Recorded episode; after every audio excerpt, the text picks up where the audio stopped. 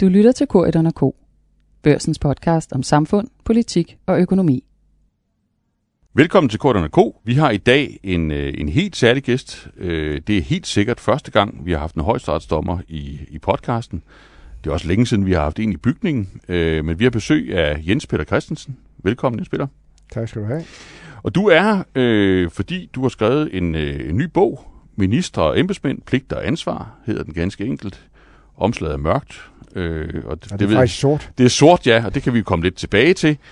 Og, og, og selvom det jo ikke er nogen ukompliceret bog, øh, der, er jo, der er en del jura i den, øh, så vil jeg sige, at den er rygende varm. Øh, på den måde, at den jo kommer midt øh, ind i en periode, hvor det her spørgsmål om ministre og embedsmænd diskuteres på kryds og tværs af, af medier og Folketinget og eksperter, og nok også bag lukkede døre blandt embedsmændene selv. Øh, den kommer lige efter en, en dom i rigsretten, som du selv har været med til at afsige øh, som dommer. Øh, og så kommer den jo for dit vedkommende i halen på uendeligt meget andet arbejde om lige det her spørgsmål. Øh, du er jo, det kan, du kan jo ikke sige det selv uden at prale, men så kan jeg jo gøre det. Øh, du er jo den, der mere end, end nogen anden har sat, øh, om man så må sige, standarderne for, øh, hvordan det her øh, bør være, og også beskrevet, hvordan det er, både med en doktordisputats og en, en lang række øh, kommissionsarbejder. Øh, jeg har selv bedt dig om at udrede spørgsmålet, da jeg var finansminister. Og nu er du der så igen. Øh, og jeg kunne godt tænke mig at spørge dig, øh, som sådan det, det første simple spørgsmål. Hvad er nyt? Altså, øh, var det bare fordi, du havde lidt ekstra tid i kalenderen, at du skrev en bog mere om det her, eller, øh, eller var det fordi, du synes, du havde brug for at, at, at pege på nogle ting, der har flyttet sig? Eller var det måske, fordi du, du havde en fornemmelse af, at alle havde glemt det, du har skrevet tidligere, og nu må du hellere minde dem om, hvordan det egentlig forholder sig? Altså den sande historie, den, sådan nogle sande historier er tit sådan mere banale end, end de gode historier. Men den sande historie var, at jeg sådan lige før nytår i 2020 må det jo have været, altså for mm. godt et år siden, der gik jeg rundt derhjemme og havde ikke lige noget at lave, så tænkte jeg, nu kommer der vist en rigsretssag. Og øh, jeg har jo skrevet om de her emner øh, tilbage, der som du nævner i 1997 med en doktordisputat, så har jeg skrevet om embedsmænd i forskellige redegørelser øh, op mm. til 2002, altså for 20 år siden. Ja. Og så har jeg jo så været formand for, for en række af de der udvalg, du nævner. Og så, så gik jeg der rundt og tænkte øh, to ting. Det ene var, at øh, siden da har der jo, var der jo kommet mange undersøgelseskommissioner med beretninger, Mm. øh, som jeg jo også har fulgt med i. Øh, men, øh, men de var jo så i sagens natur ikke indholdt i det, jeg havde skrevet, fordi det var 20 år siden. Ja. Og så fik jeg den tanke, det kunne egentlig være sjovt at surføre det, om så må sige, og, og, og føre det op ja. to date. Og så havde jeg også lige den tanke, at det kunne være en eller anden øh, hugget ideen, så Ja. jeg måtte hellere melde Ja. mig på tårt. Ja, du Så bliver nødt til at gøre noget for at bevare den der status. Ja. få tinglyst uh, min, uh, mit uh, ene ret, om så må sige. Ja. Og så skrev jeg til forlagsdirektøren, at det hvad, om hun syntes, det var en god idé. Og så var hun så ufin at svare, jeg tror, ja, en halv time efter. Det synes hun var den mest mageløse idé, hun har hørt længe. Ja. Og så skrev hun, hvornår afleverer du bogen? Så skal jeg aflevere den om år, og så hang jeg jo sådan set på den. Ja. Ja. Så det er den praktiske historie. Det er den praktiske Ja, historie. Men, men- hvad, hvad er så nyt? Altså, det er fordi, Ja, men det er, hvis man skal skære det helt ud i pap, så kan man sige, at det nye er, at der ikke er noget nyt. det nye er, at der ikke er noget ja, nyt. det kan man sige. Det er jo sådan Ja. ja. lidt en anti-historie, men alligevel en god, alligevel en historie, Ja, kan du, man er, sige. du får lov at blive og, Ja, ja, ja. ja. og, og, og forklare. ja, ja. Nu skal man jo tænke på, det jeg skriver om, det er altså minister og embedsmænd, pligter og ansvar. Det vil sige, jeg, jeg skriver jo om, om sager, hvor det er gået galt, kan man sige. Mm. Fordi mit grundlag er jo sager, der er blevet undersøgt. Jeg, jeg er jo ikke Sherlock Holmes, jeg går jo ikke rundt og undersøger ting, men Nej. Sager, der bliver undersøgt. Og Ja. hvor de så, hvilke sager bliver undersøgt? Jamen, det er jo sager, der har været så store, så de enten er endt i, i rigsretten, Mm. dem har vi haft seks af siden 1849, eller de blev undersøgt af dommer i de gamle kommissionsdomstole, undersøgelsesretter, eller siden 1999 i undersøgelseskommissioner Og med en landsdommer i spidsen. Øh, Og nu er der så kommet et Ja. ja. ny betegnelse for det samme, øh, og det er så en grænsningskommission. Ja. Så det, og det, det har jo afsat beretninger. Der er måske 30, 40, 50.000 sider, hvis man gad at tælle dem. Øh, så det er jo sådan mit grundlag. Så man kan jo sige, jeg kigger jo i virkeligheden på tilfælde, hvor det har formodningen for sig, at det er gået skævt. Ja. Så jeg kigger jo ikke på den, den brede øh, dagligdag, hvor det øh, alting går udmærket. men så det, det gør du vel al- alligevel, hvis jeg må udfordre dig. Ja, det du fordi, sige. fordi du, altså, du er jo det er jo din hemmelighed, som ikke er specielt hemmelig, det er, at du, jo, du er højstrætsdommer, og så skal man jo også være jurist. Øh, og det er man skal fald være kant jur. Ja, og du er sågar doktorjur, men, men du har jo også en, en, en bagage som politolog, ikke? Du har faktisk studeret statskundskab og, også forsket og, og haft en interesse for, ja, hvordan... jeg har ikke kun studeret, jeg, jeg tog også eksamen. Ja, det er det, og du har og faktisk prøvet at sætte dig ind i, hvordan, hvordan fungerer sådan et system, ja. øh, også når det ikke går galt. Ja. Og det ja. rummer din, din bog vel også en beskrivelse af, jamen, ja. hvad, er, hvad er normerne og, og, og, og ja. praksisen? Øh... Jeg har jo ikke været minister, men jeg har da i al beskedenhed engang været, været assisterende ministersekretær i, ja det er så efterhånden 30, så, 35 år så bliver det siden, jo ikke meget men, men, men det, øh, det er da også noget. Men, men det, du siger, det du siger grundlæggende, det er, at, at, at du taler i virkeligheden med den her bog sådan en lille smule op imod noget af alt den larm, der er i tiden i forhold til, at tingene skulle være i skred, eller ja, det vi skulle se var ja. en, en, en sådan helt forandret tilstand øh, ja. i forholdet mellem minister og embedsmænd. Ja, man kan jo tage, hvis nu man som, som gammel politolog sådan ligesom siger, okay, lad os så lige prøve at se på sådan kvantiteterne i det her, hvad ja. er det, vi snakker om? Og der kan man jo sige, alt det her med undersøgelser, dommerundersøgelser og ting og sager, mm. det er jo noget, der kommer op omkring 1982. Indtil da har man typisk haft sådan tre dommerundersøgelser hver 10, for hver 10 år. Ja. Typisk om sådan tekniske, administrative sager. For eksempel to lyntog, der kørte frem sammen på Fyn. Hvorfor gjorde de det? Ja. Eller en stor brand på Holmen, flådestation. Hvorfor kom den brand? Ikke? Ja. Altså noget rigtig teknisk. Men så sker der det, at, at det at lave undersøgelser, det bliver sådan en selvstændig, nærmest politikform, kan man sige. Ja. Det bliver en måde, som, som man i praksis kan genere regeringen, øh, eller forhåndværende regeringer, ja. ved at lave. Og så kunne man jo sige, at der kommet flere af dem, og det er der sådan set ikke. Øh, fordi i, i perioden fra 82 93, der var der hele 16 mm. dommerledede undersøgelser. Mm. Og siden 1999 har vi haft 12. Ja. Og 12 er jo mindre end 16, og navnlig når 20 år er kortere end 10. Så ja. et, på en måde er det kun en fjerdedel, ja. vi har haft. Så det accelererer så det, ikke nødvendigvis? Nej, det er ikke sådan, at man kan sige, nu er vi så i en situation, hvor, der, hvor det vælter ind med, med påstande om, at alt muligt er, er, ulovligt, mm. og hvor det er så alvorligt, der bliver nedsat en undersøgelseskommission. Nej. Så det er jo en tilgang til det, kan man sige. Ja. Øh, hvis man så kigger på sagerne, så kan man jo spørge, er, er der så noget nyt under solen, sådan at det nu er, er, er ligesom enten mere eklatant nu, eller, eller er, er en anden type problemstilling. Ja. Og der, der vil jeg sige, at, at problemstillingerne er egentlig klassiske. Hvis man skal skære det helt ud i pap, så kan man sige, at der hvor det, det for alvor går galt, det er de situationer, hvor vi har en minister, som er stærk, stedig, og som vil en bestemt, et bestemt, af en bestemt vej, et bestemt sted hen. Mm. Og det så er så uheldigt, at, at det sted vedkommende vil hen, og den vej vedkommende vil gå, det er sådan set ikke helt lovligt. Øh, måske er det nærmest ulovligt, mm. øh, eller måske kan det ligefrem blive, blive rigtig klart ulovligt. Mm. Det, det er den situation, hvor det går rigtig galt. Så er der jo alle de andre situationer, ja. hvor noget er, er dårligt arbejde, og det kunne have været bedre, og dit ja. og dat. Det er jo de fleste af dem. Ja. Men der, hvor det går rigtig galt, det er den. Og den type har vi altid haft. Ja. Øh, der er ikke noget nyt øh, under solen i den forstand. Nej. Må, må jeg, må, så jeg må udfordre dig lidt. Så, så synes jeg, man, man kan vel godt, jeg ved ikke, om du rigtig vil, vil udtale det, men du kan vel godt sige, at der, der er også noget, et element af noget normerende i det arbejde, du har, har lavet. Nu tænker jeg ikke bare på den her bog, men også ja. på din fortid. Du, du beskriver jo en, en, en tradition eller en tilstand i Danmark med altså øh, partipolitisk uafhængige øh, embedsmænd, som, øh, som bliver siddende, når regeringerne skifter, øh, som kan betjene øh, altså både røde og blå, eller hvad der ellers måtte komme af farver, øh, og, som, og som integrerer deres faglige rådgivning, og det med at fortælle, at det er lovligt, at det er ulovligt, og hvad er fornuftigt, og hvad er ufornuftigt, med en politisk rådgivning, altså hvor de også hjælper ministerne med at klare sig i, i pressen og over for Folketinget osv. Og det, man kan vel godt sige, at, at, at sådan indirekte, selvom du gør det som, altså som, som videnskabsmand, at så, at så beskriver du en model, som du også plæderer for. Altså som en, en model, der har mange fordele, øh, og hvor, hvor de alternativer, man ser i,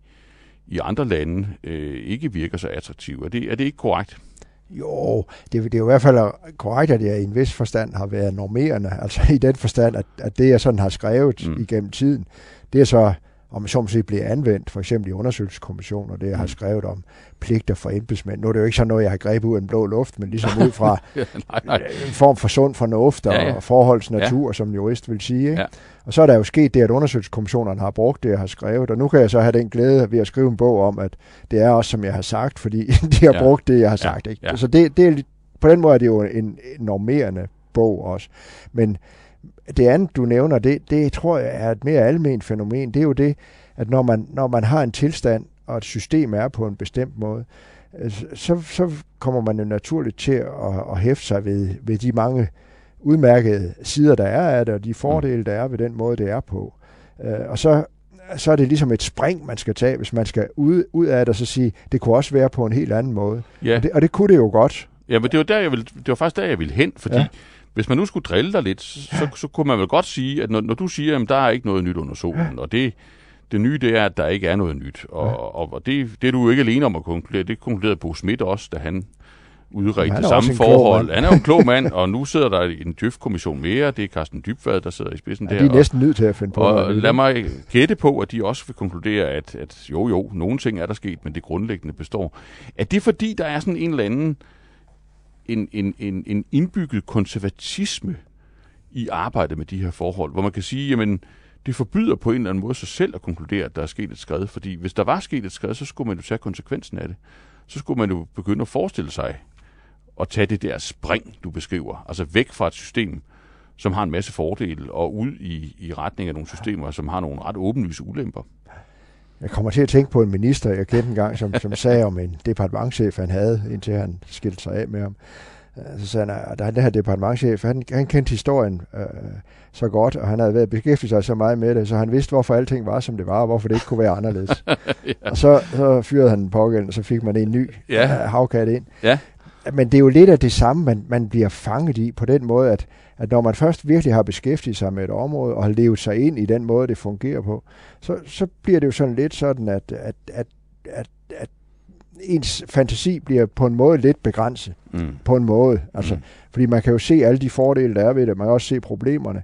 Og man kan også forstå, hvorfor det er, som det er. Og det er jo det er måske ikke moderne at sige, men det er jo i virkeligheden en, en kvalitet, at noget har bestået i lang tid. Ja. Altså fordi nogen tror jo, at regler og sådan noget, det er sådan noget, man laver, og så ja. gælder der en ny tilstand. Men, men her har vi jo noget, der sådan set er vokset frem af en tradition, som, som ændrer sig lidt undervejs, og som, som jo hele tiden er i en form for forandring, men alligevel hele tiden bygger på det, der er. Mm.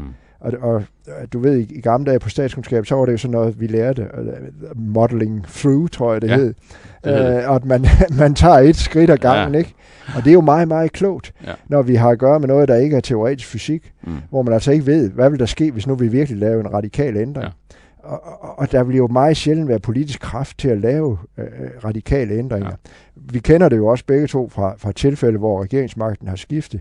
Øh, jeg tror, et af de sådan i nyere tid, altså sådan de sidste 30 år, øh, jeg tror, da, da Augen havde udsigt til måske en dag at blive statsminister, ja. der var tanken jo også, øh, og vores gamle lærer, Jakob Buxti, måske skulle mm. have været med der, mm. og så skulle man have lavet politiske sekretariat og sådan noget. Det, jeg tror nok, det var sådan ret langt fremme i tankegangen. Det tror jeg også, det var. Ja. Og så sker der det, når man så får regeringsmagten, så er man meget skeptisk over for, øh, hvordan er det nu med de her faste embedsmænd, mm. kan de dreje kasketten rundt? Ja. Og det opdager man så med det samme. De drejer så bliver man kasketten. faktisk forelsket i dem, ikke? Jo, jo. Hvis ja. vi nu tager det konkret, så kan man sige, Nyrup, da han træder til i 93, ikke? Så, så har vi lidt af det der, han tager Pittelkov med, fordi mm. hvordan er de nu over i det der statsministerium? Og, og, og så vidt jeg forstår, så dør Pittelkov af mangel på ildtilførsel ret mm. hurtigt, fordi mm. øh, statsministeren opdager, at man udmærket kan bruge hele det faste apparat. Ja. Ja. Så på den måde er der jo hele tiden det der, skulle vi ikke gøre det anderledes? Så sker der jo sådan lidt, alligevel lidt inkrementalisme, tror jeg, vi lærte det helt på ja. statskundskab, ikke? Ja. så får du de særlige rådgiver som sådan en lille knopskydning på det. Og nogle ministerier opbygger man jo også det, man sådan vil kalde det politiske sekretariat. Ja.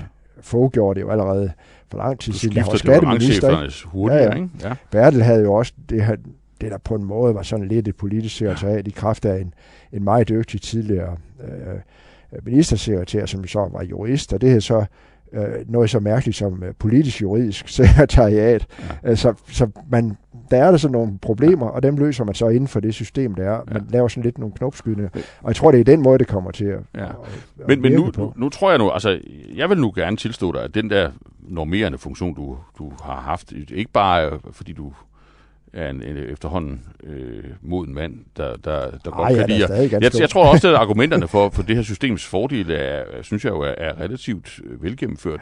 Men hvad skulle der egentlig til? Altså, hvad skulle der til, for, når, når du, du udgiver den her bog i en ny version om fem eller ti år? Hvad ville det så være for nogle udviklingstræk, der kunne få dig til at konkludere, at der var sket et skred?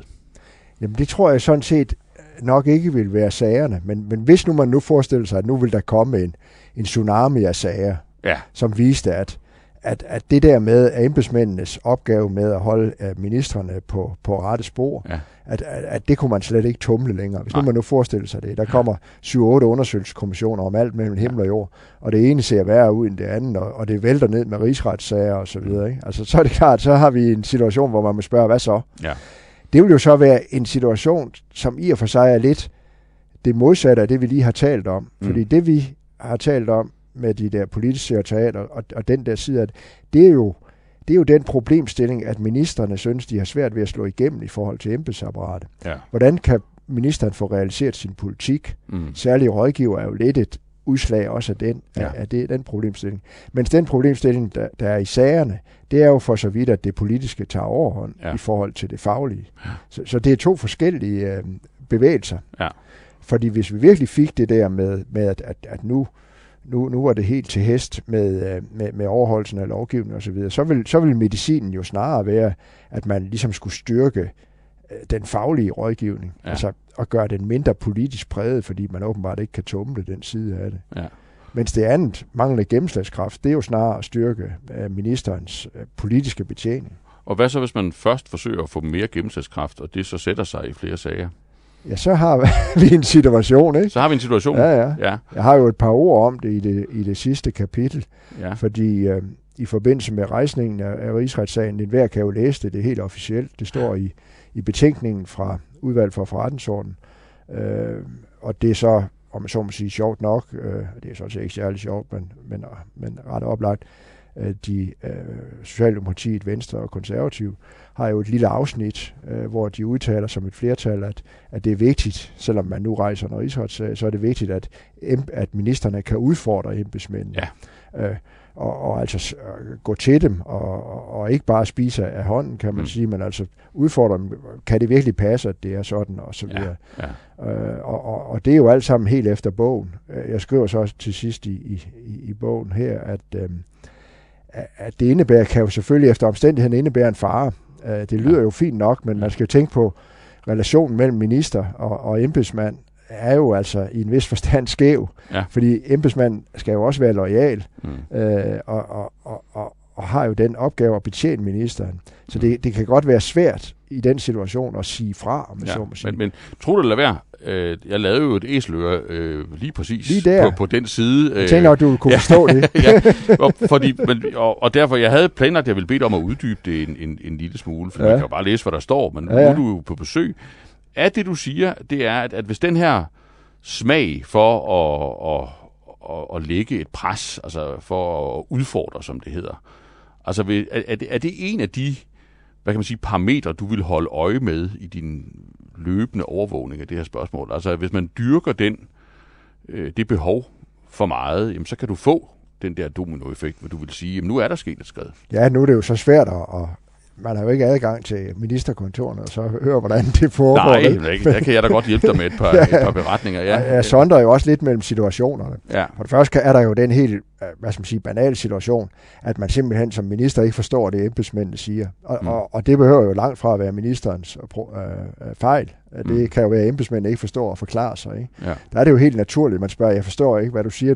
Altså, du må, Ja. du må have det klare frem. Ikke? Ja. Og det er der jo ikke noget galt i. Øh, Det er jo kun godt. Mm. Mm. Det er jo ligesom, hvis man er underviser nogen, og så drister de sig til at stille spørgsmål, så Mm. finder man ud af, at det ikke er helt så klart, Mm. som man selv troede, det var. Ja. Det, er jo, det er jo fint nok. Så kan man sige, at den almindelige faglige rådgivning, det kan jo typisk være noget, der er lidt mere elastik i. Det kan jo være økonomisk rådgivning, det kan være faglig teknisk rådgivning, Mm. og det kan jo efter omstændighederne være lidt mere elastisk. mm, Man kan have forskellige faglige vurderinger. Og så er der jo det, man kan, vi så kan kalde den juridiske rådgivning.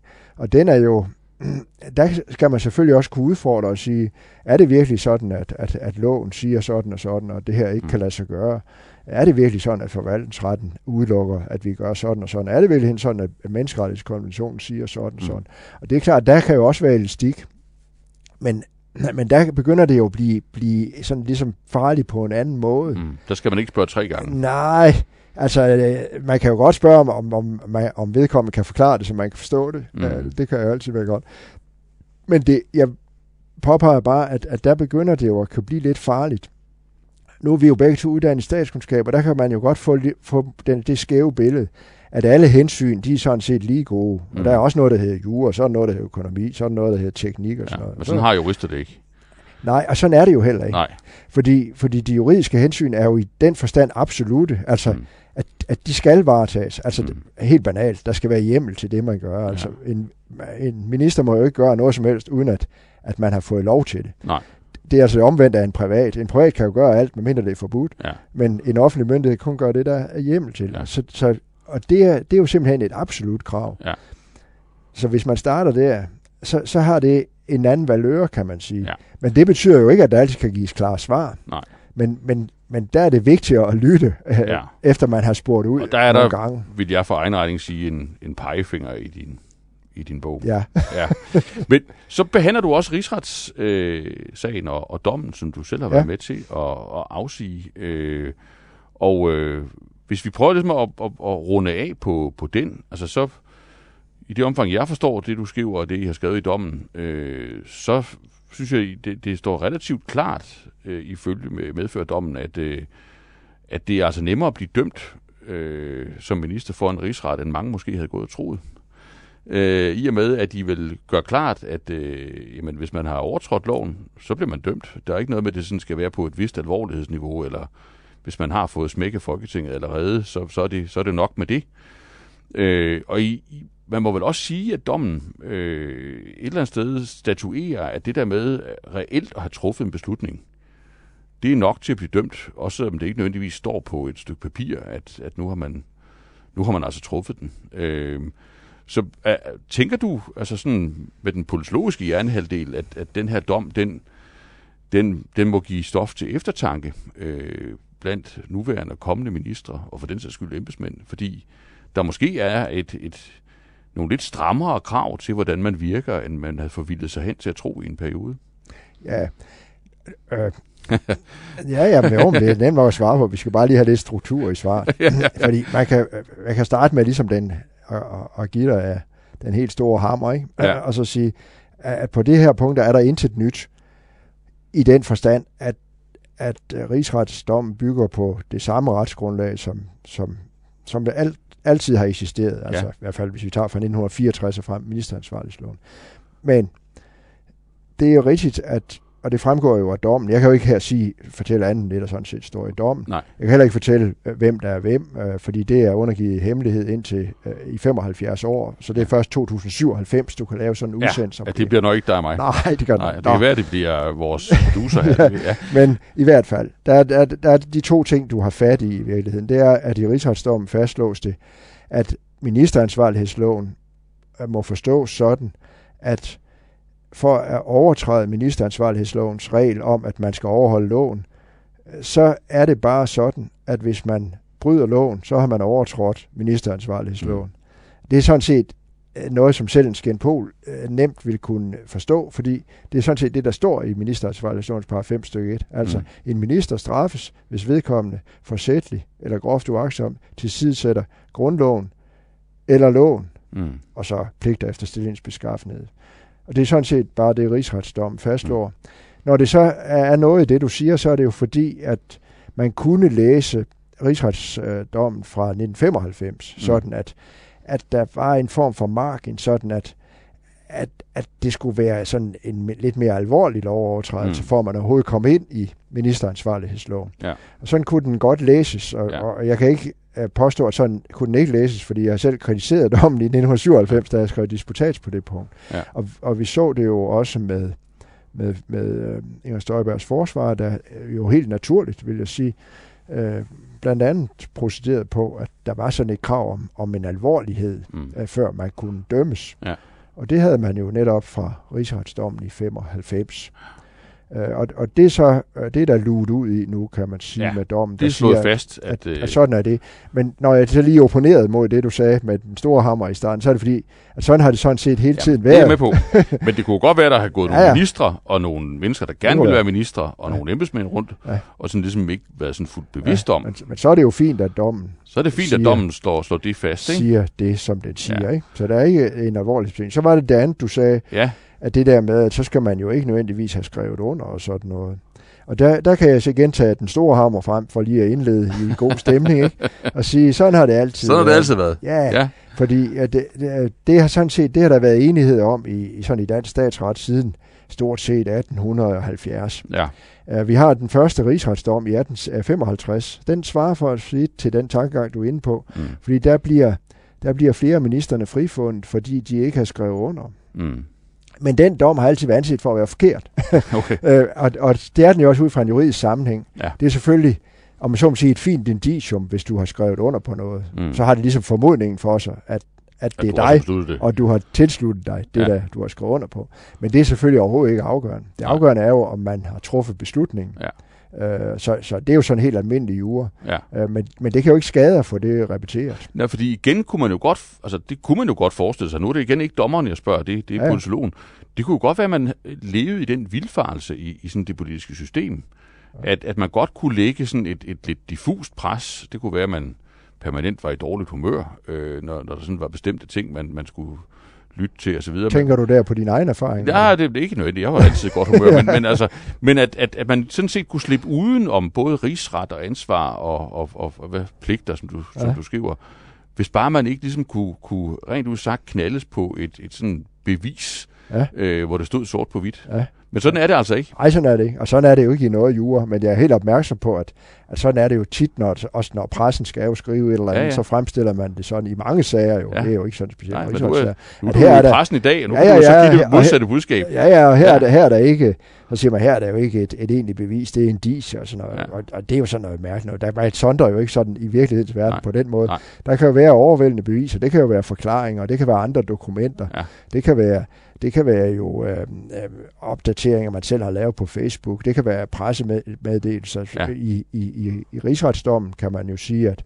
det spillede en stor rolle i den offentlige debat med denne her pressemeddelelse, Ja. som, som blev sendt ud. Og, og, og så op, var der en vældig debat sådan i offentligheden. Kan en pressemeddelelse være en ordre op og ned og stolper? Og det kan den godt. Ja, og det er jo ikke fordi, den er en pressemeddelelse.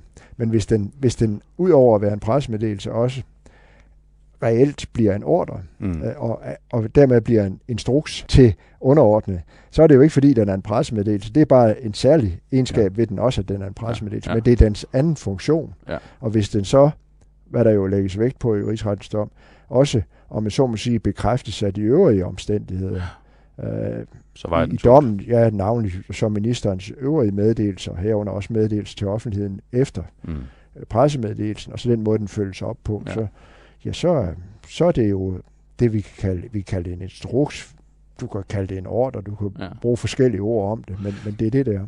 Men så vil jeg jo for egen regning sige, at, at sådan summen af dommen og bogen og, og det her historiske podcast-interview, øh, ku- kunne jo godt blive, at, at, at, at man øh, har givet et ret markant signal til det politiske system om, at, at der er altså nogle, nogle, nogle grænser, nogle ting, man skal passe på. Øh, og, og, og det kunne jo så måske give en eller anden effekt i retning af, at, at det, det system, du har beskrevet, at, at, det, at det bliver stivet af, om man så må sige. Altså at man ligesom bliver mindet om, at, ja. Ja. at, at de der skred, som nogen advarer imod, at dem, dem skal man passe på, fordi hvis, hvis først de går i gang, jamen så, så vil ministre blive dømt for rigsretten eller, eller andre.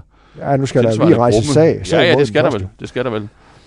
Men det er jo rigtigt, man kan jo, Altså, jeg der ved kunne, ikke, kunne der være sådan en præventiv effekt Ja, ja. i det samlede arbejde? det skriver jeg jo også lidt om til Ja, sidst. ja. Ja. Man kan også bruge sådan et billede, hvis man nu forestiller sig sådan et telt, ikke, hvor sådan, der har stået temmelig længe, og så begynder badunerne at blive lidt slappe, og det hele det hænger lidt. Ikke? Ja.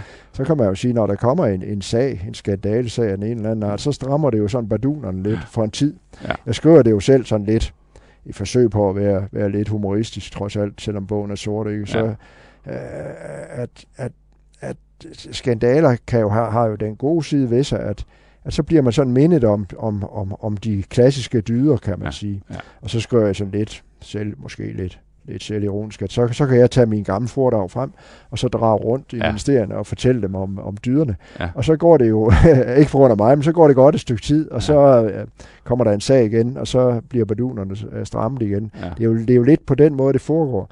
Øh, Vi fik jo også øh, det der Codex 7, som jo var daværende øh, departementchef statsminister Kettels i og for sig initiativ der i 2015. Det var også på baggrund af en række sager. Og så fik vi sådan en lille kort beskrivelse af, hvilke dyder er det, man skal efterleve. Ja. Og, og, og, og de blev jo så kommunikeret rundt omkring i ministeriet. Vi så det også i rigsretssagen, og det er jo også helt officielt. Det vil man kunne læse i, i den rigsretstiden, der kommer, hvor alle vidneudsagnene, alle vidneforklaringerne er, er optrykt. Der går en, et par måneder før den kommer.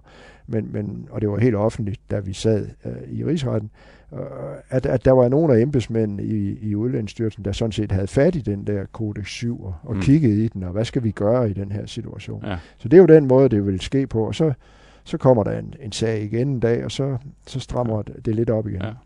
Det bliver så, læring, eller hvad Det bliver læring, sige? og du er jo i gang med at stramme på dunerne. Øh, sidste spørgsmål.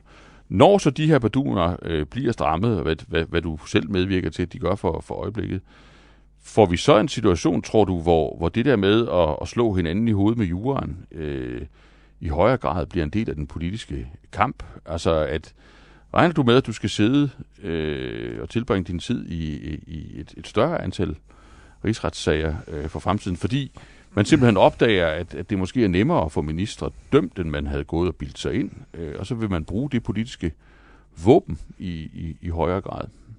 Nej, jeg tror ikke for alvor på det, fordi det er alligevel det er jo et stort apparat at sætte i gang, og der er mm. stadigvæk sådan noget rigsret. Det er alligevel noget... Altså, vi har haft seks sager siden 1849. Mm. Den sidste lå så tilbage i 95. Det er imod væk 27 år siden. Ikke? Ja. Før 95 lå den tilbage i 1910. Det er 80 år. Der er sådan noget over det. Men, ja. men man kan jo sige, at når man først har brugt den, så bliver det selvfølgelig nemmere at bruge den igen. Ja. Det, det giver sig selv, for nu vil det ikke være så helt særlig. Altså, vi har jo dog alligevel et, et, et borgerforslag om en rigsret, som, ja, ja som har altså som en ja, ja. del af Folketinget har synes var, var spændende. Ja, ja, ja. Øh, det, det, er vel, jo, jo. det har vi ikke prøvet før, vel? Nej, nej. Men, men, men allerede for 27 år siden var jeg jo ganske klog, ja, kan ja. jeg se i dag på ja. et videobånd.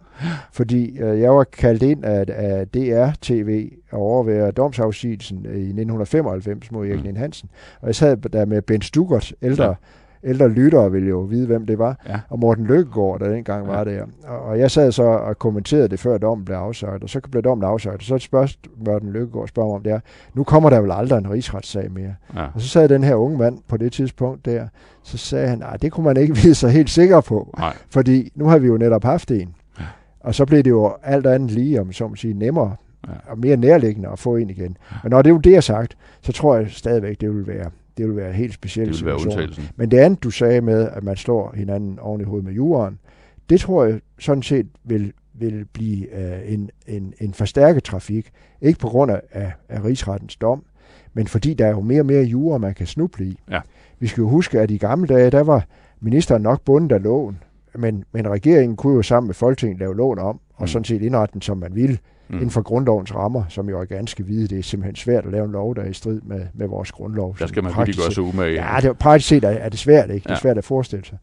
Øhm, mens i dag er problemstillingen jo den, at, at lovgivningsmagten er jo bundet ind af, af internationale regler. Mm. Det er klart, EU er jo et kolossalt regelsystem, som er ganske svært at finde rundt i, hvor grænserne er. Menneskerettighedskonventionen, den europæiske menneskerettighedskonvention, er jo også et, et, et rigtig godt eksempel på det, hvor det simpelthen er ofte svært at sige, hvor er grænserne. Mm. Og, og det gør det jo muligt i højere grad, om så må sige, øh, at, at bruge juraen som, som noget, man der indgår i en politisk debat, som man slår sig hinanden oven i hovedet med. Mm. Og herunder jo altså også at bruge undersøgelseskommissioner til at... Ja, vil også gøre det til, en politisk mærkesag at udfordre den her jura. Ja, ja, og det er jo fint nok, øh, øh, kan man sige, ikke? Øh, men, men man risikerer jo at blive dømt et eller andet ja. sted.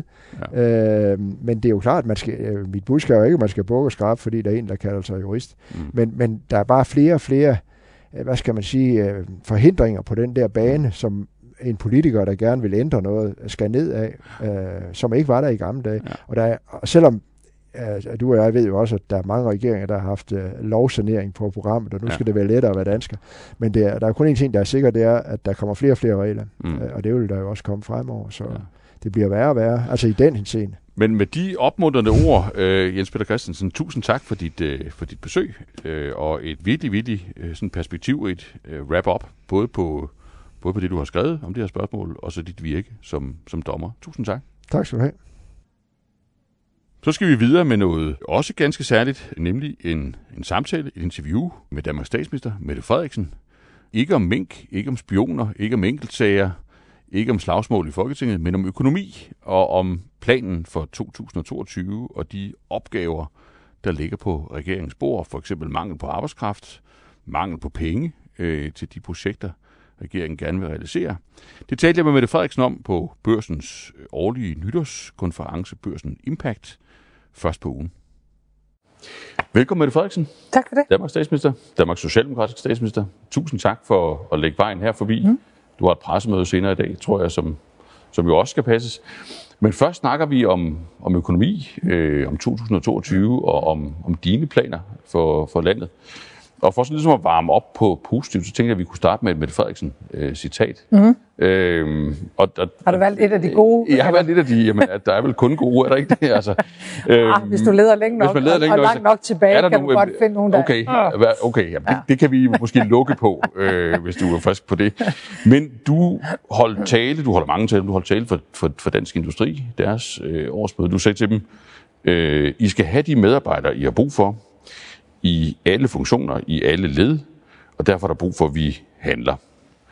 Øh, og, og, og det citat, jamen det, det står du vel, det tror jeg, du står fuldstændig mm. ved, men skal man, hvordan skal man forstå det? Altså, er det dit ansvar, er det regeringens ansvar, at, at når der er mangel på arbejdskraft i erhvervslivet, at så skal I foretage jer noget, der, der løser problemet? Er det, ja, sådan, det synes jeg absolut. Det synes du absolut? Ja, ja. ja. Og, og det er jo ikke fordi, at, øh, at jeg nærer nogen illusion om, at, øh, at alt, hvad vi gør på Christiansborg, og de politiske beslutninger, der træffes, en til en, øh, er bestemmende for, hvad der sker i dansk økonomi. Nej, du kan fordi... ikke sådan tage folk i kraven og sende dem ud. Nej, Nej. Men, men du kan sige, det er jo, det er jo et vilkår for øh, også, øh, altså for alle regeringer, at der er nogle, der er nogle internationale faktorer, tendenser, mm. som smitter af på dansk økonomi.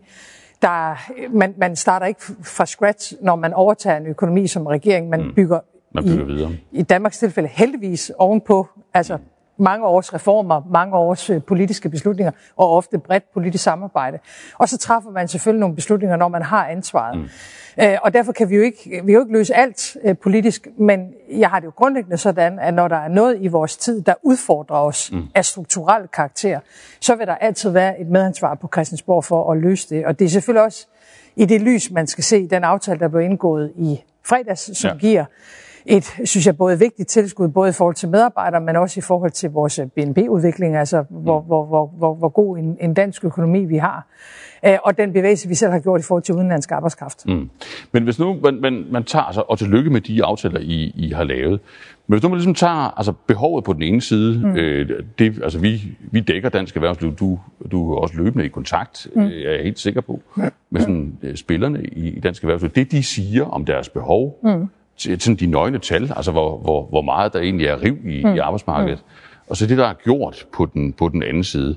Så med respekt for det, der er gjort, altså er det nok? Altså, hvis du Nej, det tror ikke, det prognose, det tror du ikke, der Nej, er? det tror jeg ikke, det er. Nej. Det tror jeg øh, sådan set hverken det er på den kortere bane eller på den lange bane. Okay. Det vi har gjort, kan man sige, som regering, og i, i den tid, hvor jeg har haft øh, en, en, en del af, af hovedansvaret for Danmark, som har været vigtigt for dansk erhvervsliv, har jo ude tvivlsomt været vores coronahåndtering. Ja.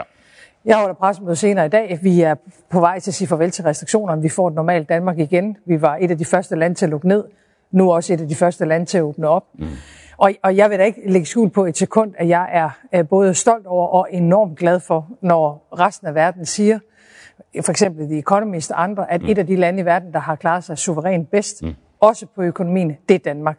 Så man kan sige, det, det vigtigste bidrag, vi har kunne give til dansk erhvervsliv, til dansk, øh, dansk økonomi. Det har været coronahåndtering, fordi det har fyldt så meget i, mm. igennem de seneste to år. Og nu står vi jo så i en situation, som er, er ret god, må man sige. Altså, vi har laveste ledighed i 13 år, vi har højeste vækst i 15 år, vi har højst beskæftigelse nogensinde. Det går godt for dansk eksport. Ømogælden, det er sådan noget, jeg ved, du også går op i, er nu på nogenlunde samme niveau, som den var i 2019. Det tror jeg ikke, der var nogen, der havde forestillet sig, mm. da vi begyndte at lave hjælpepakker.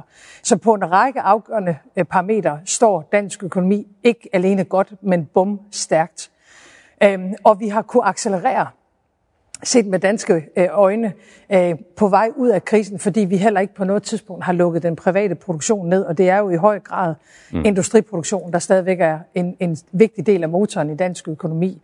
Og nu står vi så med en ny udfordring, nemlig at det går så godt. Ja, det går næsten for godt, ikke? Nej, det får du mig ikke til at sige, at det, det går for ikke godt. Til at sige. Nej, men det Nej. går så godt, at det, der er vores væsentligste udfordring nu, det er at sikre mere mandskab. Mm. Øh, og det har vi sådan set hele tiden vidst ville blive en udfordring i den offentlige sektor på grund af vores demografi. Mm. Men nu bliver det endnu tydeligere, at det også er afgørende i den private sektor, blandt andet for at sikre, at vi kommer i mål med den grønne omstilling. Ja. Men hvis du, du, du sidder, du men, kigger men ud over det korte svar var nej. Det korte svar var nej. Når, når du spurgte, fordi, det, det, er det nok? Nej, det er det Fordi det, vi skal tilbage til, du, du, sidder, du har en, en suveræn udkigspost der. Du kan kigge ud over økonomien, du får løbende øh, rapporter ind om, hvordan det, det går. Lad os nu sige, læser børsen. Du læser børsen, det er det, du... Og, og det er jo mig. selvfølgelig det første om morgenen, det er jeg ikke det mindste i tvivl om. Men, men lad os nu sige, vi er i gang med 2022, mm. det kører videre, og det er vel også det, vi håber på. Mm. Øh, altså, kan du forestille dig en situation, hvor, hvor, du, må, hvor du siger til dine ministre, din regering, jamen nu er der så meget mangel på arbejdskraft derude, tallene er fuldstændig klare, signalerne fra virksomhederne er helt klare, vi må i gang igen. Altså, vi har godt nok lavet en trepartsaftale, vi har godt nok lavet en, en, en reformaftale. Sagt med respekt, så er der jo grænser for, hvor meget ekstra arbejdskraft det giver sådan her nu. Det er jo sådan lidt mere på den, den lidt længere bane. Ikke? Så, så kan man forestille sig, hvad, altså, kan du komme til at, at, at hive i nogle håndtag igen mm. i løbet af 2022? Ja. Der er svaret ja. Vi, kan vi, vi har, vi det er super godt, fordi hvis, hvis vi jeg har lige får... møde uh, så sent som i dag i regeringen om okay. Danmark kan mere to. Okay. Uh, og det vil sige, at vi er uh, i fuld gang. Det var vi faktisk allerede inden ja. vi lavede aftalen om Danmark kan mere et, i gang med at forberede det, det, næste, det næste stykke arbejde. Ja. Må jeg ikke sige omkring aftalen i fredags? Ja øh, som jo, øh, synes jeg, er en, er, en, er en god aftale. Mm. Den løser ikke alle problemer. Det gør en aftale sjældent. Altså mm. selv øh, de aftaler, du selv ikke har været med i. Ikke engang nej. Præcis. nej, ja. Der, man, kommer et, øh, man kommer et stykke af vejen.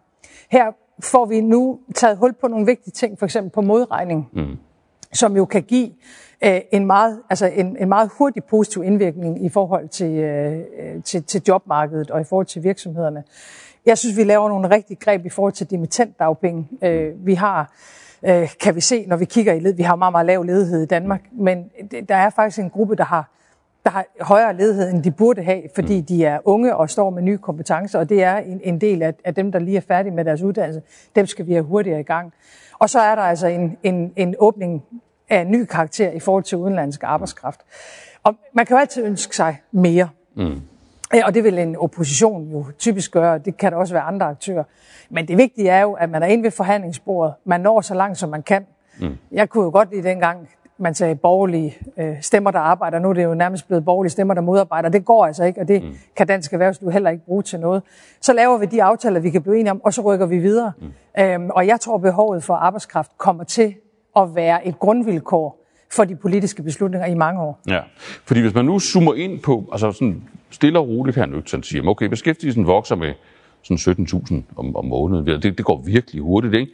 Der, der er 12.000 i, i den aftale, de lige har lavet. De kommer de kommer ja, og, så, ude og så er der jo alle dem, der kommer kvæg de aftaler, ja. vi har lavet tidligere. Ja, og så, så sidder du og barsler med Danmark kan mere to, men det er jo det er i høj grad de her anden generationsreformer, som, som virker på, på meget lang sigt, og det er jo super godt, men, men altså, kan man forestille sig her i, i, i det her år, 2022, at du da skal i gang med at sige, nu skal jeg have fat i nogle værktøjer, hvor jeg skal skaffe noget mere arbejdskraft her og nu, ja. og sådan op i flere tusind, øh, flere tusind mennesker. Det kan man godt forestille sig. Det kan man sagtens forestille sig, ja. og, og jeg har det jo sådan, at selvfølgelig, selvfølgelig er der jo noget i den økonomiske politik, der står fast for mig som socialdemokrat. Altså mm. der er mm. ting, jeg er, jeg har mere fidus til, der er ting, jeg tror mere på end, ja. end andet.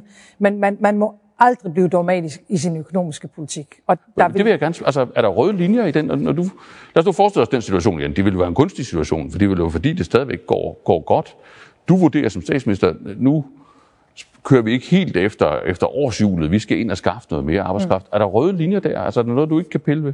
Mm, jamen, der er jo altid røde linjer, men, men jeg bestræber mig egentlig på ikke at bruge det meste af min tid på at forholde mig til, hvad jeg ikke vil. Altså, jeg vil mm. heller bruge, mm. forholde mig til, hvad jeg gerne vil. Og, og for eksempel på udenlandsk arbejdskraft og beløbsgrænsen, der har vi jo haft en anden holdning på et tidspunkt, hvor vi mm. ikke mente, det var det rigtige at gøre.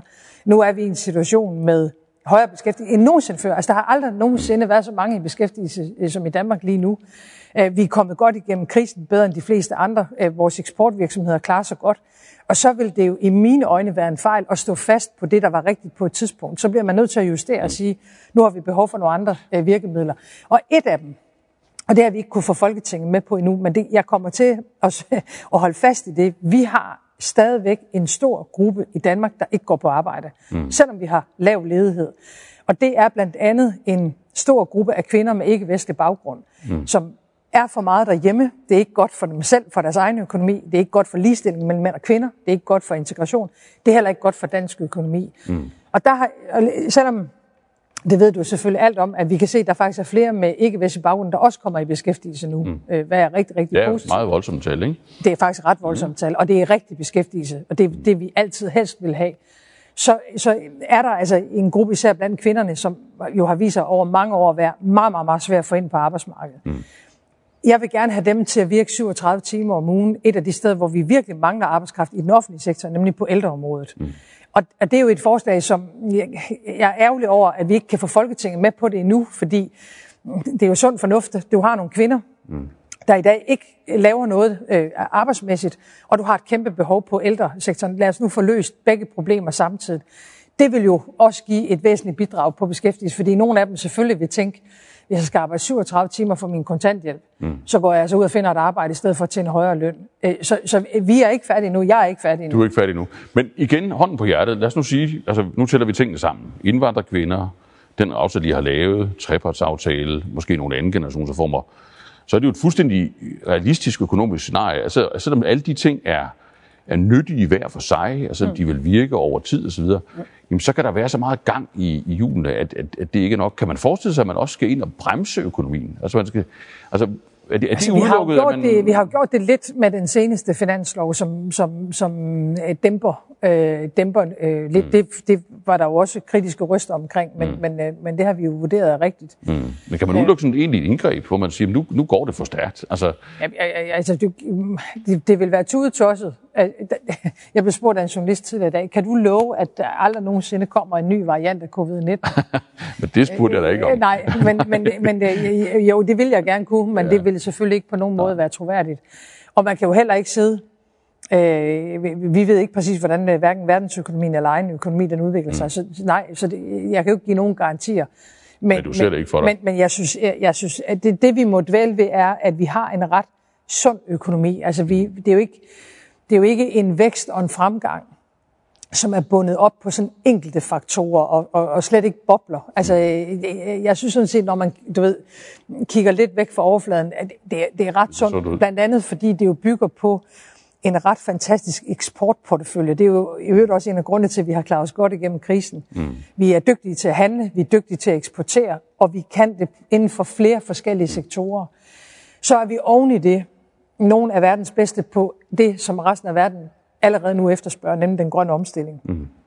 Øh, noget, der ikke har fået så meget omtale, men for mig egentlig er ret uforståeligt, fordi det er så, så fantastisk en god øh, øh nyhed, eller det var det. Indien, verdens største demokrati, 1,3 milliarder mennesker, har faktisk sat ret høje mål på den grønne omstilling. Det første land, de vælger i hele verden at lave et grønt strategisk partnerskab med, det er Danmark. Mm. Og det gør de jo, fordi de kan se på vedvarende energi, på urban planning, på øh, energieffektivisering, på fødevarer, mm. øh, på vand. Der er det danske virksomheder, der kan noget helt særligt. Og, og, og det får jo mig til også turde tro på, at, at vi har en, en bæredygtig vækst mm. i, i gang i Danmark. Ja. Nu stod du selv sådan lidt ned i det parlamentariske, altså borgerlige stemmer, der modarbejder, og, og ja, det, gnider det, lidt, der, det gnider lidt i øjeblikket på, på Christiansborg med at lave de der øh, aftaler, der de er enige om, hvad de betyder. Ikke? Det er det primære budskab, vi har i arbejdstøjet. I arbejdstøjet. Vi, det, kan, du... vi kan sige alt muligt, vi kan mm. mene alt muligt, men, men når dansk erhvervsliv har øh, konkrete udfordringer, så går man ind til forhandlingsbordet, og man bliver man lader være med at gå, man finder, man finder og det, det gjorde du så også selv, og du har jo ændret holdning til, til som du siger, udenlandsk arbejdskraft, ja, beløbsgrænsen. Du har vel også, altså mønstrene på Christiansborg i forhold til at lave de her løsninger, altså der er vel også en udvikling der. Altså, er det, er det helt urimeligt at sige, at du har nærmet dig de radikale mere, end, end, end man kan sige, du i hvert fald øh, altså, havde som udgangspunkt for, for år tilbage, altså på, på reformer, på regneregler, på udenlandsk arbejdskraft, på nogle af de der gamle diskussioner, som man har kunnet blive lidt uvenner over? Altså, øh, på udenlandsk arbejdskraft har jeg det sådan, at det bliver nødt til at være bestemt af den situation, vi er i. Mm. Så det er ikke de radikale, det er situationen? Jeg, jeg har et rigtig godt samarbejde med de radikale, mm. og, og, og man oplever ikke, at jeg sidder og siger, at, at jeg principielt er imod noget, fordi de radikale er for. Det kunne jeg ikke drømme om. Nej. Øh, Radikal er øh, faktisk også det parti, der har stemt mest sammen med den her regering nu igennem to og et halvt år, selvom vi også har arbejdet meget sammen med andre partier. Så vi har masser af fællesmængde. Der er også nogle uenigheder, men der, der er masser af fællesmængde. Før vi lavede aftalen i fredags, øh, tror jeg, nu må du ikke binde mig helt op på det, men jeg, jeg tror, jeg, så lad mig med 99% sikkerhed sige, at, at vi også er der, hvor vi aldrig har haft så meget udenlandsk arbejdskraft, som vi har nu. Mm. I hvert fald i den her periode. Så vi har masser af udenlandsk arbejdskraft i Danmark. Jeg er jo samtidig med det utrolig insisterende på, at det skal foregå på en ordentlig måde. Mm. Og jeg tror, du, jeg tror, du refererer til noget kritik, du kan huske fra dengang jeg var beskæftigelsesminister. Mm. Fordi der kiggede vi jo ind i, at mange også var optaget af udenlandsk arbejdskraft, mm. men med en medfølgende social dumping, altså med dårlige lønninger, med dårligt arbejdsmiljø. Og det kommer du aldrig til at høre mig være fortaler for. Det skal være på en ordentlig måde, øh, og så er udenlandsk arbejdskraft selvfølgelig øh, velkommen. Mm. Øhm, øh, reformer har vi jo lavet i Socialdemokratiet på kryds og tværs af, om vi har siddet i regering. Der har vi lavet mange, mm. også gode reformer. Vi har faktisk også lavet det, når vi har været i opposition. Og, og man kan sige, en af motorerne i dansk økonomi, og, og en meget, meget vigtig årsag til, at vi har løst hængekøjeudfordringer, og mm. faktisk ser ind i en overholdbarhed på, de, øh, på statens finanser. Det er jo velfærdsaftalen fra 2006 med den forhøjede pensionsalder. Det var en aftale, vi lavede, da vi sad i opposition. Ja. Før men, men hvis du det er sådan, altså at man af mange altså samfundsmæssige årsager øh, måske nærmer sig hinanden øh, igen, øh, når det gælder nogle vigtige synspunkter omkring økonomi, altså det radikale på den ene side, Socialdemokratiet på den anden side. Hvis de borgerlige, de, de er mest modarbejder, i hvert fald sådan lidt for meget modarbejder. Altså hvor, hvorfor, hvorfor blødes dit sind så ikke op i forhold til den der diskussion om, hvem der egentlig skal sidde i regeringen med hvem? Altså det, det, det, det vil de jo åbenlyst gerne, det radikale venstre, altså sidde med, frem for bare at forhandle med. Ja, altså jeg sætter meget, meget stor pris på samarbejdet med det radikale venstre, og, mm. og synes, vi har lykkedes med rigtig meget igennem to og et halvt år, hvor vi har været enige om det meste, ikke alt. Mm. Øhm, øh, vores veje har, har skilt for eksempel på Kriminalforsorgen, mm. øh, som, som jeg synes er, er en meget, meget vigtig brik i vores øh, samfund, øh, og også på nogle andre områder. Men, men, men jo, vi har kunnet ganske meget sammen. Når jeg foreslår, at den her regering fortsætter efter valget, så er det fordi, det er en regering, der har vist sig at være meget manøvredygtig. Mm. Og, øh, og vi, er jo, vi vågner jo hver morgen og har ikke flertal. Mm. Øh, og er jo lykkes med at lave øh, også brede aftaler, øh, nogle gange til højre, nogle gange til venstre, og ganske mange gange hen over den politiske midte. Et par nedslagspunkter. Øh, den tidligere regering kunne ikke lave en bred landbrugsaftale. Øh, det lykkedes nu. Det er rigtig godt for dansk landbrug, og det er rigtig godt for, for vores klimaindsats. Som du kan huske, har det været svært at lave udligningsreformer øh, tidligere. Øh, det er en vigtig del af den kommunale økonomi. Det har den her regering kunnet bredt mm. øh, med, med andre partier. Øh, så nogle gange går vi til den ene side, andre gange til den anden side, og ofte hen over midten. Og det er sådan en regering, Danmark øh, har behov for. Men hvis Nå, og så lige i forhold til det borgerlige. Altså det holder jo ikke. Det er jo ikke nyt noget, at Venstre og Konservativ ikke laver økonomiske aftaler øh, med en regering. Mm. Det der, det bliver nødt til at være en parentes, kort og kedelig, mm. øh, tilbage til bordet. Mm. Øhm, selvfølgelig ved jeg godt, at når man øh, er i opposition, og jeg forstår også, at de to er uafklaret på, hvem skal, man skal være statsminister, hvis man vinder valget, og der er noget, der tyder på, at man måske er lidt for optaget af, øh, at Vandopslag og Værmund øh, er glad for det, man gør, end hvad der er godt for Danmark. Det nytter bare ikke noget, øh, mm. ud over en meget, meget kort parentes. Det er landet for lidt vigtigt til. Men hvis nu man lige venligt, men sådan alligevel opmærksomt spørger dig ind til dit, dit ordvalg, så altså, du foreslår, at man fortsætter med en, en socialdemokratisk... Det, det er det, vi går til valg på. Ja, det går du til valg på. Altså, radikale leder udelukker, hun bruger sådan ordet, udelukker, at det kan, kan lade sig gøre. Altså, udelukker du også, at de kan komme med? Altså, matcher du hendes udelukkelse jeg har ikke, med altså, en... Øh, jeg, har ikke, jeg har ikke behov for at, at, at deltage i nogen øh, ordkonkurrencer. Jeg formulerer mig, som jeg gør. Ja, så du udelukker det dybest set jamen, jeg, jeg, jeg, jeg kommer ikke til at gå ind. Jeg har sagt, hvad jeg vil sige om den okay. sag, nemlig at vi går til valg på, at den her regering, den fortsætter. Ja. Så det er dybest set samme melding som før sidste folketingsvalg? Ja, og, og i al beskedenhed mener jeg, at vi nu igennem to og et halvt år øh, oveni, øh, hvad vi i øvrigt er lykkes med, også at håndtere den største krise siden 2. verdenskrig, at det har vist sig at være en ualmindelig manøvredygtig regering. Som ikke udelukker noget? Som går til valg på at få lov til at videreføre sit mm. arbejde, fordi den er manøvredygtig, den mm. her regering, og resultaterne taler jo efterhånden entydigt for sig selv. Mm. Hvis man nu kigger så fremad altså, og bruger kuglerammen, altså et af mangel på arbejdskraft øh, osv., så er der også det der med at betale regningerne. Øh, og ja. du, du har ret i, statsministeren, statsministeren har du relativt, relativt godt, ikke? Øh, men hvis du sådan... Ja, faktisk mere end det, ikke? Mere end godt. Ja. Men hvis du nu, altså du har nogle, nogle ting, du vil. Altså du skal have løst klimaudfordringen. Du, øh, du har ambitioner, når det gælder velfærden. Mm. Øh, der var der også et forsvarsbudget, Ja. øh, som, som skal være højere, Ja. end det er i dag. Ja. Du har altid været god til hovedregning. Det er min klare erindring. øh, og har jo også folk, der hjælper til. Mm.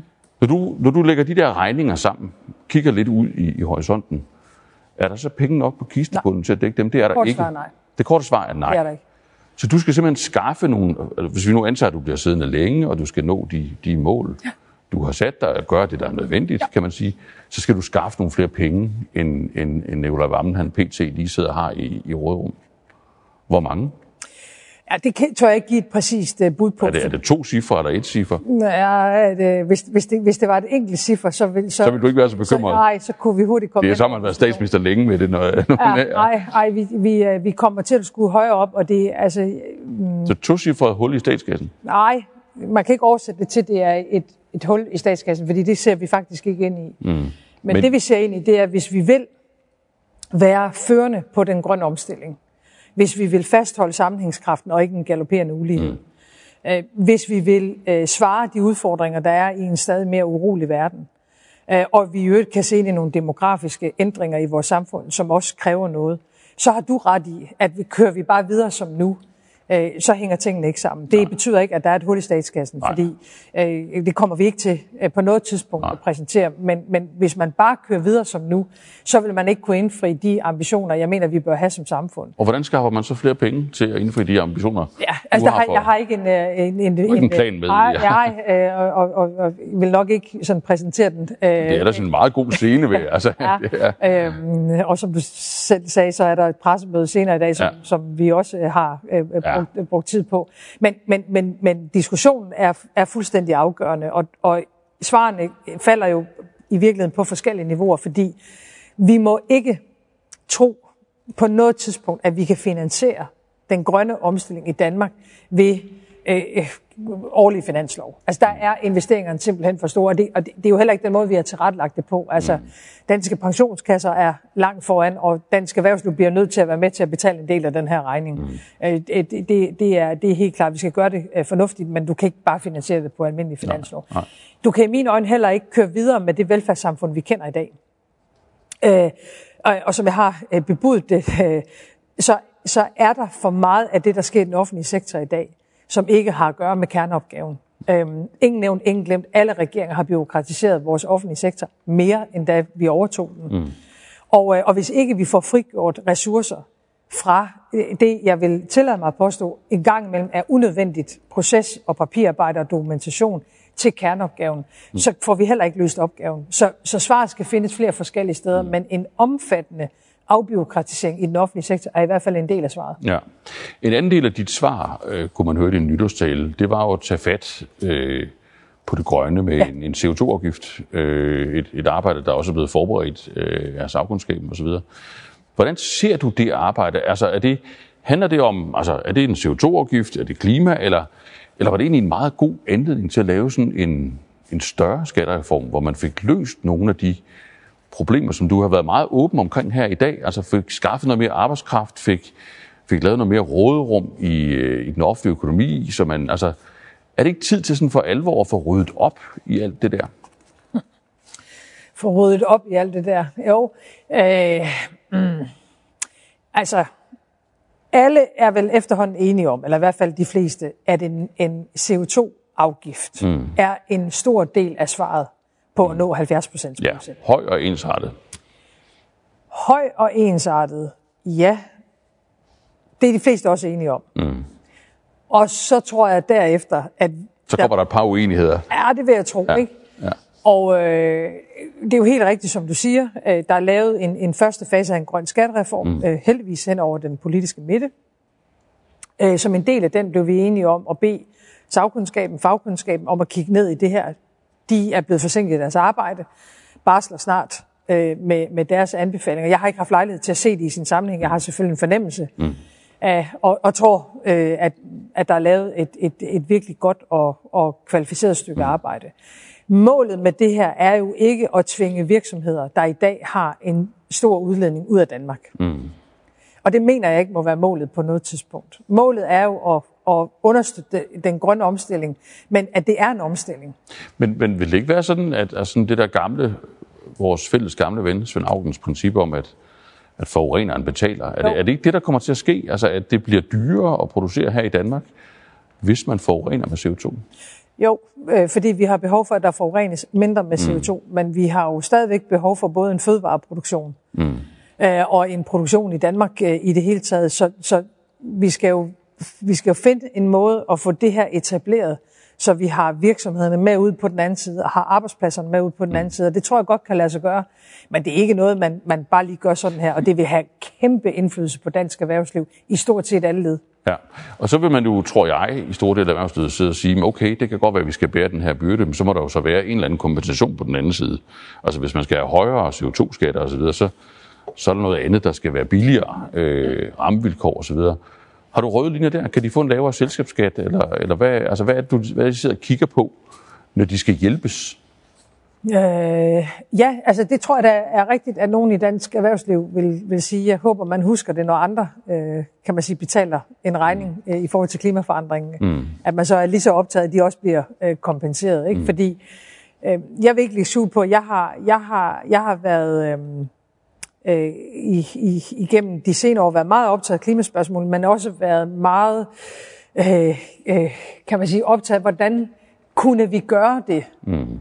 på en måde, så vi ikke satte sammenhængskraften over styr. Altså så konflikterne ikke blev større i det her samfund. Og nu er vi to og et halvt år inde, og må jo konstatere, at det kunne vi faktisk godt. Altså, vi, øh, vi har ikke sat ting over styr. Vi har gjort det på en, en fornuftig ordentlig måde, og det skal vi også gøre øh, med, den, med, med CO2-afgiften. Mm.